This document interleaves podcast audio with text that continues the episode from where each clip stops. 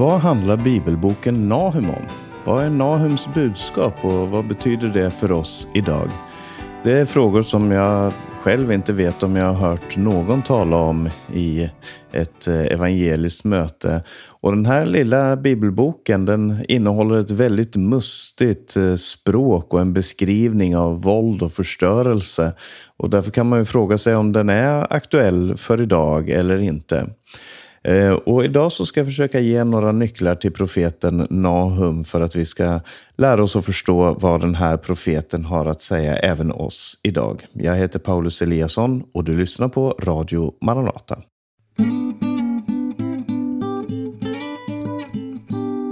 Nahum finner du i Gamla Testamentet i vår bibel. Det är den sjunde av de så kallade småprofeterna som kallas för småprofeter för att de har lite kortare böcker.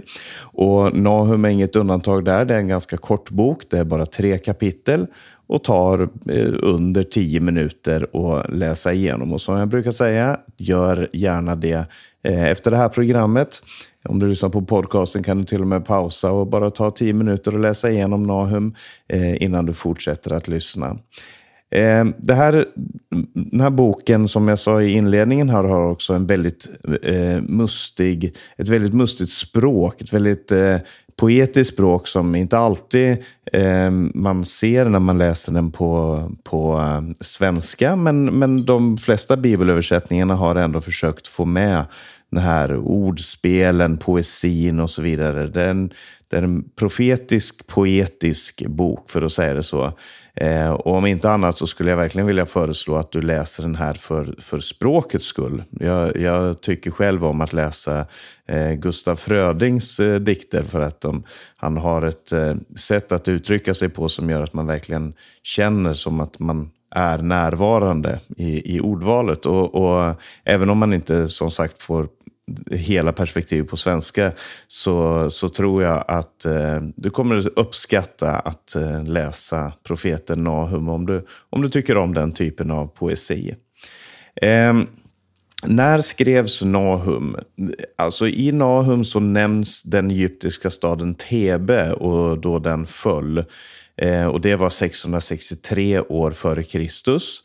Samtidigt så handlar Nahum om ett eh, förestående fall av Nineve, eh, huvudstaden i Assyrien. Och det skedde 612 f.Kr.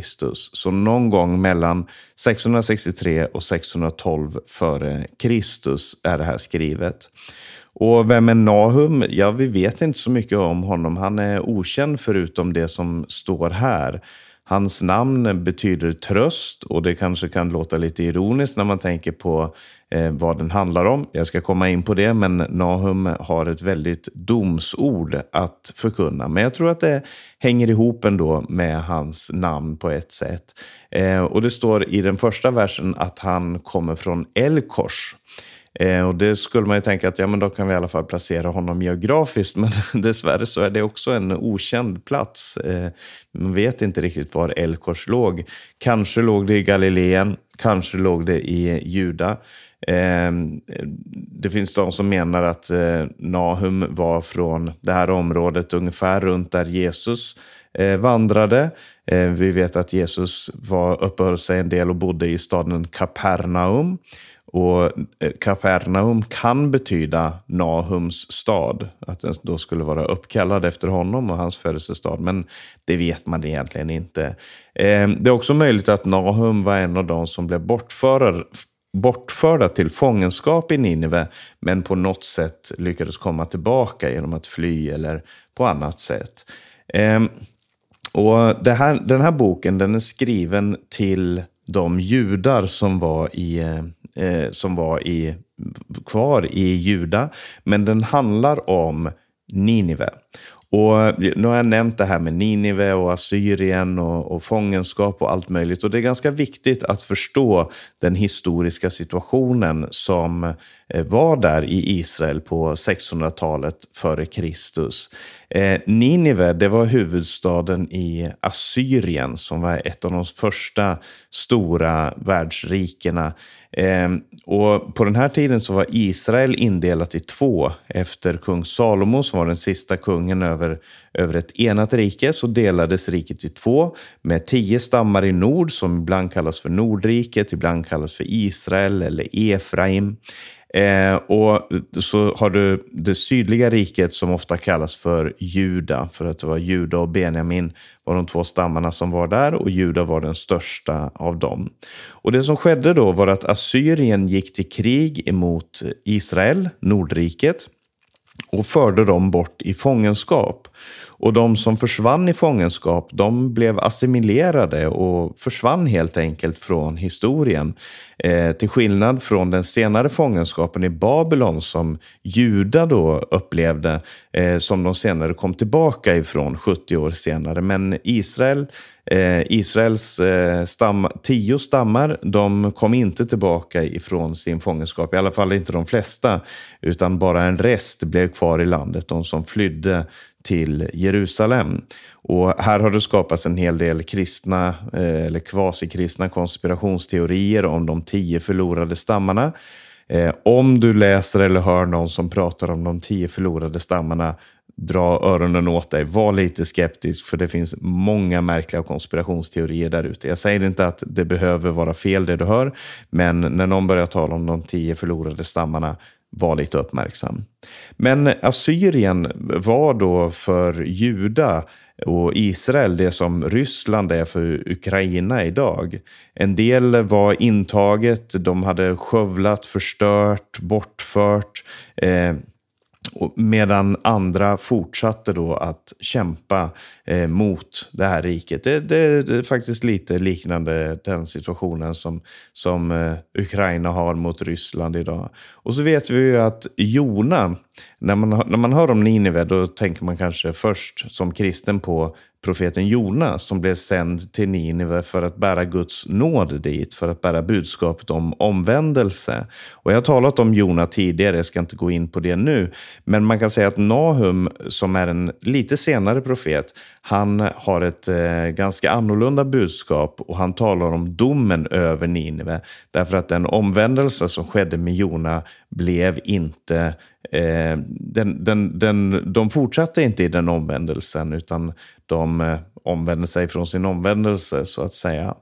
Eh, det var en temporär omvändelse. Så Assyrien föll eh, senare, år 612 som sagt, så, så föll Assyrien och Ninive för sina fiender. De blev intagna av en eh, här som bestod av tre olika folk, mederna, Eh, babylonerna och eh, skyterna. Och det här skedde då i 612 f.Kr. Och så vad handlar eh, Nahums bok om? Jo, den handlar om att Gud ska döma Assyrien eller Ninive, men att han också har en plan om att frälsa dem som kommer till honom. Det är det som beskrivs i Nahums bok. Och nu ska vi gå in lite på texten här.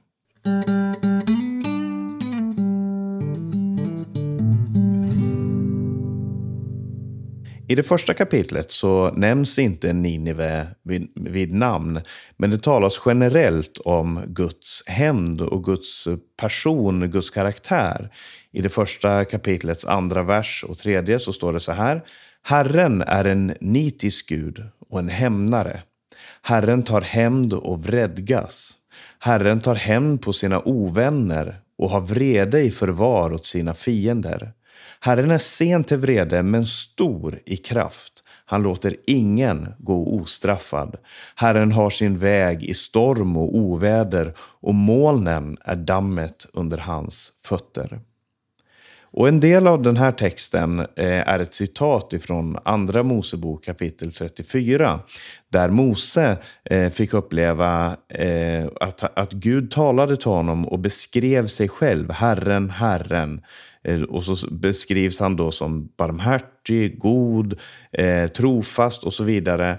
Och mycket av Bibeln är en utveckling och fundering kring det som Gud säger till Moses på berget. Mycket av Gamla Testamentet och egentligen Nya Testamentet också är en behandling av den här uppenbarelsen av vem Gud är. Eh, man, upp, man utforskar hans nåd, hans tålamod, hans trofasthet och så vidare och applicerar det på sin tid. Men här i Nahum så utforskas det vad det betyder att Gud är sen till vrede men stor i makt. Eh, som det då står både här i texten och i Andra Mosebok 34. Vad betyder det att Gud är en vred Gud? Vem är han vred på? Vad är det som gör honom upprörd? Han är sen till vrede men stor i kraft. Vad betyder det? Och Man kan ju säga som så att Assyrien eh, var ett folk och, och, och en armé som hade förstört och förslavat människor omkring sig. Och det är det här, i det här sammanhanget så beskriver Nahum att det är detta som gör Gud vred. Om vi känner, om vi känner ett obehag inför Guds vrede så, så tror jag på ett sätt att vi inte riktigt har förstått vilken ondska som människor är kapabel till och på vilket sätt som det drabbar oskyldiga. Alltså vi, vi som, som troende, som känner Jesus, som, som eh, förkunnar evangelium. Vi backar lite, tror jag, ofta när, när det gäller frågan om Guds vrede. Och vad, liksom, man, eh, ibland så har kristna till och med haft en syn att ja, Gamla testamentets Gud, han var en arg och, och, och våldsam Gud, medan Nya testamentets Gud är mer positiv och kärleksfull och så vidare.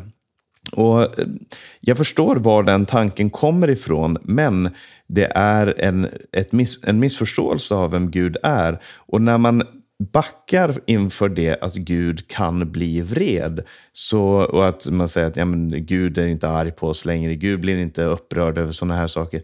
Då förstår man inte riktigt vad, vilket djup det finns i synden. Vilken förskräcklig sak det är när människor förtrycker andra. Alltså om, om någon av oss hade blivit konfronterad med med slaveri, med förtryck och så vidare och sagt att Nej, men det här är ju okej. Okay. Alltså likgiltigheten inför människors lidande, den, det är ju en synd i sig själv. Och om Gud vet om all ondska som för, för sig går, Gud vet om allt som vi människor gör, eh, som vi försöker dölja, varför skulle han inte bli vred på allt det onda som vi gör mot varandra?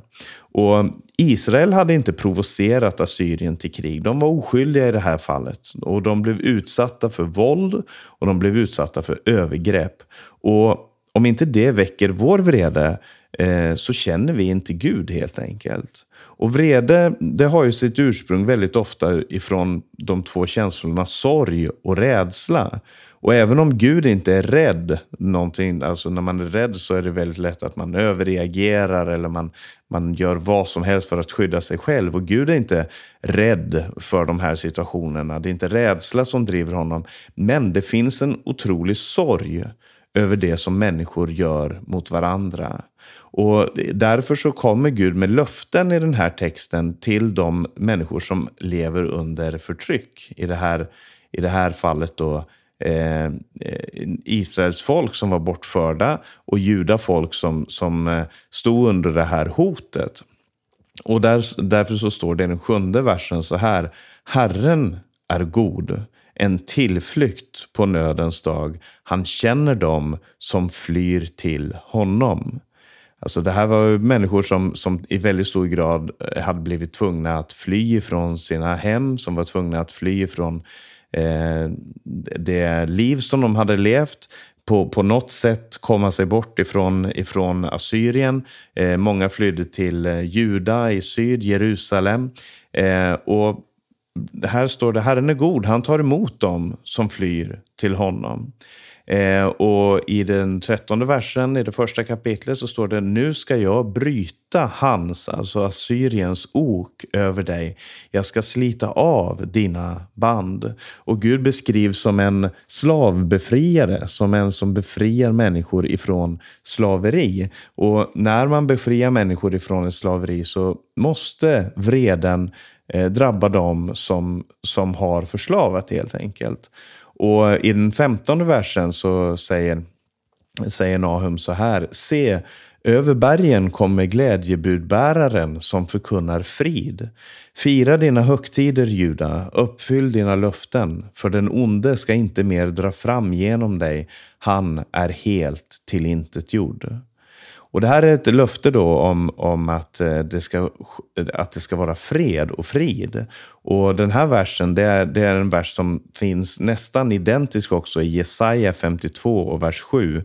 Antingen så är det Jesaja som citerar Nineve, eller det, eh, Jesaja som citerar Nahum, eller vice versa. Ehm, men, men eh, den här versen citeras också i Romarbrevet kapitel 10, vers 15. Man vet inte riktigt om det är Nahum eller Jesaja som, som eh, Paulus citerar där. Men eh, där talar Paulus om budskapet om Jesus, Messias, han som når ut i hela världen. och, så han såg uppfyllelsen av det här löftet som ges i Nahum kapitel 1 och vers 15 som uppfyllt i Jesus Kristus och i förkunnelsen om honom efter pingstdagen. Eh, det andra kapitlet det är en våldsam dikt om Nineves fall. Jag ska bara läsa några verser här. Jag kan inte göra den här texten rättvisa och jag kan heller inte hebreiska själv. Men jag ska läsa några verser. Eh, I vers 9 och 10 så står det så här. Röva silver, röva guld. Här finns skatter utan slut, överflöd av dyrbarheter. Töm, tömd, förödd, modlösa hjärtan, vacklande knän, darrande höfter, överallt. Alla ansikten är blossande röda. Och så den trettonde versen. Se, jag är emot dig, säger Herren Sebot. Jag ska låta dina vagnar gå upp i rök och dina unga lejon ska förtäras av svärd. Jag ska utplåna ditt rövade gods från jorden och röster av dina sändebud ska inte mer höras. Och I det här kapitlet så är det helt uppenbart att Gud står emot det här våldet och undertrycket som Ninive har utsatt andra för och han ska låta dem få uppleva konsekvenserna av sitt eget våld. Och det är trösterikt. Jag sa här i början att namnet Nahum betyder just tröst. Eh, och det är trösterikt att veta att Gud eh, inte står på de våldsammas sida. Tänk på, som jag har nämnt här, Rysslands behandling av Ukraina, Kinas behandling av uigurer, vår tids rasism, familjevåld, allt sådant. Vi vet med säkerhet utifrån Bibeln och utifrån Nahums bok bland annat att Gud står emot det där utan att han behöver nämna precis vad som sker i vår värld just nu. Eh, jag menar, vi, har, vi har haft tider av segregation och på vissa områden så, så är det fortfarande så. Eh, imorgon kanske det är något annat sätt som vi förtrycker människor på. Men oavsett så vet vi eh, vilken sida Gud är på, att han är tillsammans med dem som är förtryckta. Och om vi går in i det, det, är det andra kapitlet då, om vi går in i det, i det tredje kapitlet så är det ett verop över den staden som var byggd på oskyldigas blod. Och jag ska läsa några verser igen från Nahum kapitel 3, vers 1-3. Där står det så här. Ve dig, du blodstad, full av lögn, fylld av våld, du som aldrig slutar plundra. Hör piskor smäller, hör vagnshjul dånar. Hästar jagar fram, vagnar rullar iväg. Ryttare stormar fram, svärden ljungar och spjuten blixtrar. Slagna i mängd och högar av lik. Det är ingen ände på döda, man stupar över döda kroppar. Och Nineve var en stad som var byggd med våld. De, eh, och, och våld undergräver makten. Alltså om du vinner makt med våld så, så undergräver det den makten du har. Och, och det kommer leda till krig och till revolution i, till, i syvende och sist. Så det har vi upplevt i, genom hela historien. Att när makt vinns med våld så resulterar det i uppror till slut. Och det finns tider då, då riken har stått länge, då förtryck har kunnat pågå väldigt länge. Men eh, det sker gång på gång samma mönster. Att våld avlöser våld, våld möts med våld. Eller som Jesus sa, den som tar till svärd ska förgås med svärdet. Och det som skedde med Assyrien var ju som sagt då att Babylon vann över Assyrien. Och kapitel 3 slutar med att folken står och applåderar. Det står, det finns ingen läkedom för din skada, ditt sår är obotligt. Alla som hör vad som hänt dig klappar i händerna över dig. För vem har inte drabbats av din ständiga ondska? Så Babylon tillsammans med då mederna och skyterna, de, de eh, Eh, invaderade Assyrien, de tog över det riket. Men Babylon som då var ett redskap för Guds hämnd på ett sätt över Assyrien blev själv också ett väldigt våldsamt rike som gjorde fruktansvärda saker mot andra. Och det kan du läsa om i Daniels bok, i, i, eh, i flera av, av bibelböckerna där det beskrivs just den här konflikten och den här när kampen mellan, eh, mellan, det, mellan hur man ska implementera sin makt. Och frågan är ju om det finns något slut på det här. Om det finns något annat sätt som man kan eh, regera på. Om det finns något annat sätt som man kan ha makt på? Eh, eller är det bara en vandring från våld till våld, från förtryckare till förtryckt och den förtryckte blir senare förtryckaren? Och eh, Det är här jag menar att evangelium har ett svar. Det goda budskapet om frid som eh, nämndes i det första kapitlet, det säger apostlarna i det nya testamentet har uppfyllts i Jesus och i förkunnelsen av hans evangelium.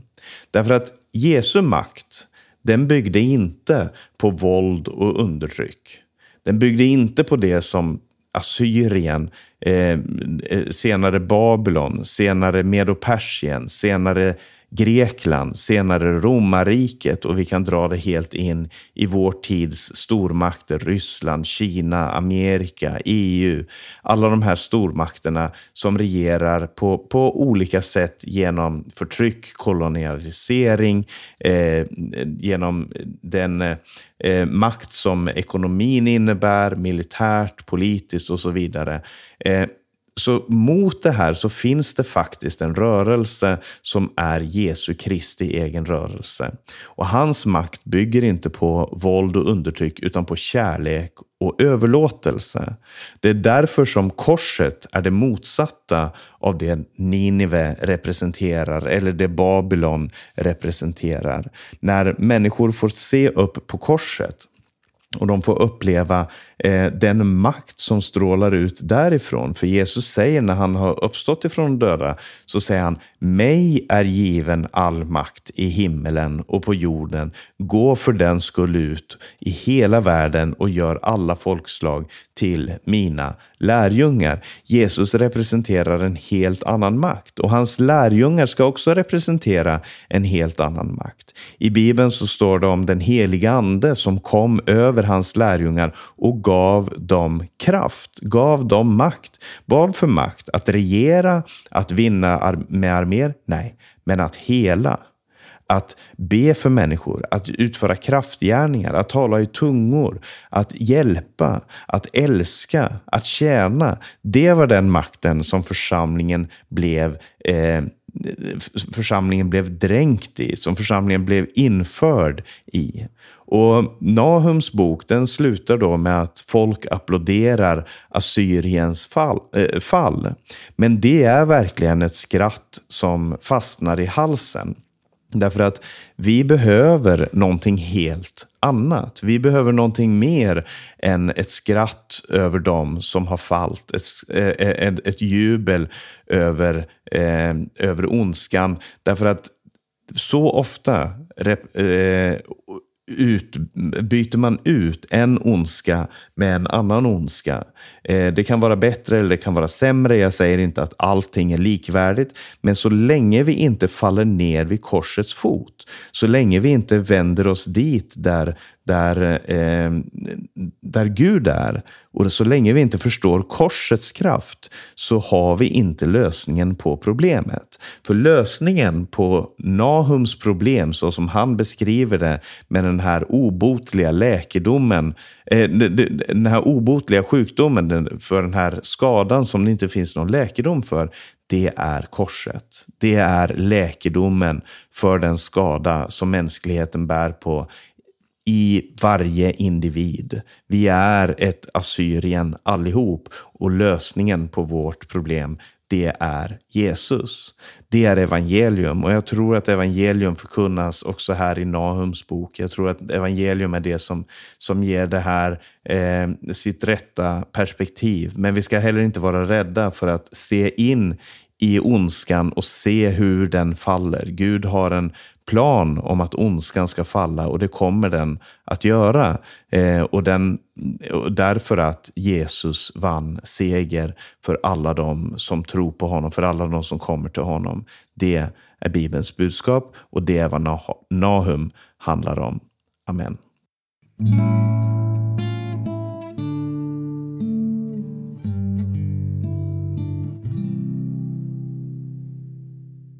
Alldeles strax så ska vi lyssna på en sång och jag tänkte att vi skulle höra sången Då strömmar ska flyta i öknen en inspelning som, där Arne Imsen sjunger tillsammans med församlingen. Men jag ska bara nämna att du har hört Maranata Podcast. Jag heter Paulus Eliasson. Det här programmet har också sänds över närradio i Stockholm och Örebro.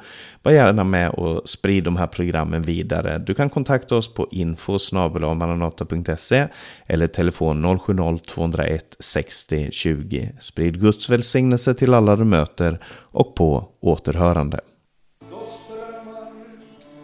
ska flyta i öknen. Det vi upplever Guds rikets tid. Hela jorden blir fylld med Guds lovsång.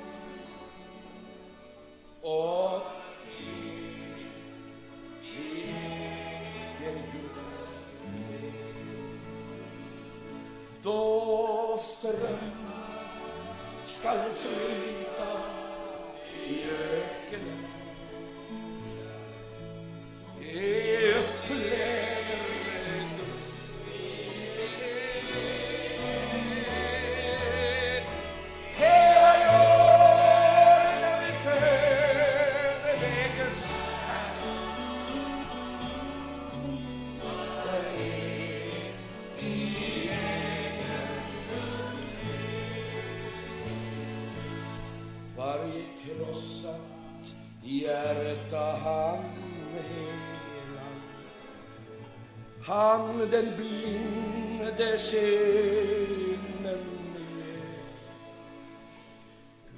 Den stummes tunga jubla och inga bojor finnes mer.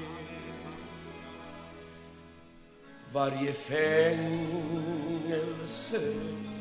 ska öppnas Världens synd skall förlåtas Gud regera ska på Sion Ty all makt är hans Då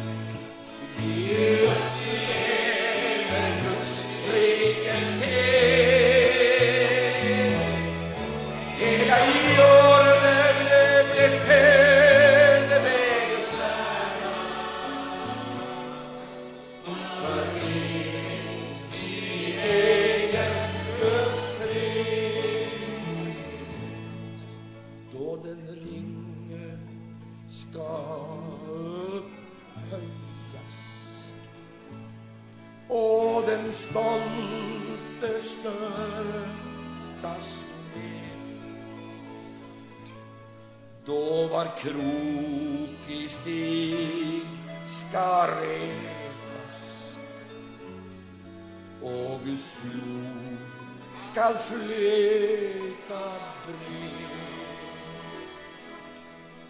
Då Guds härlighet och är alla folkslag klart ska se. Då Guds ord går ut från Sion, Jerusalem med frid.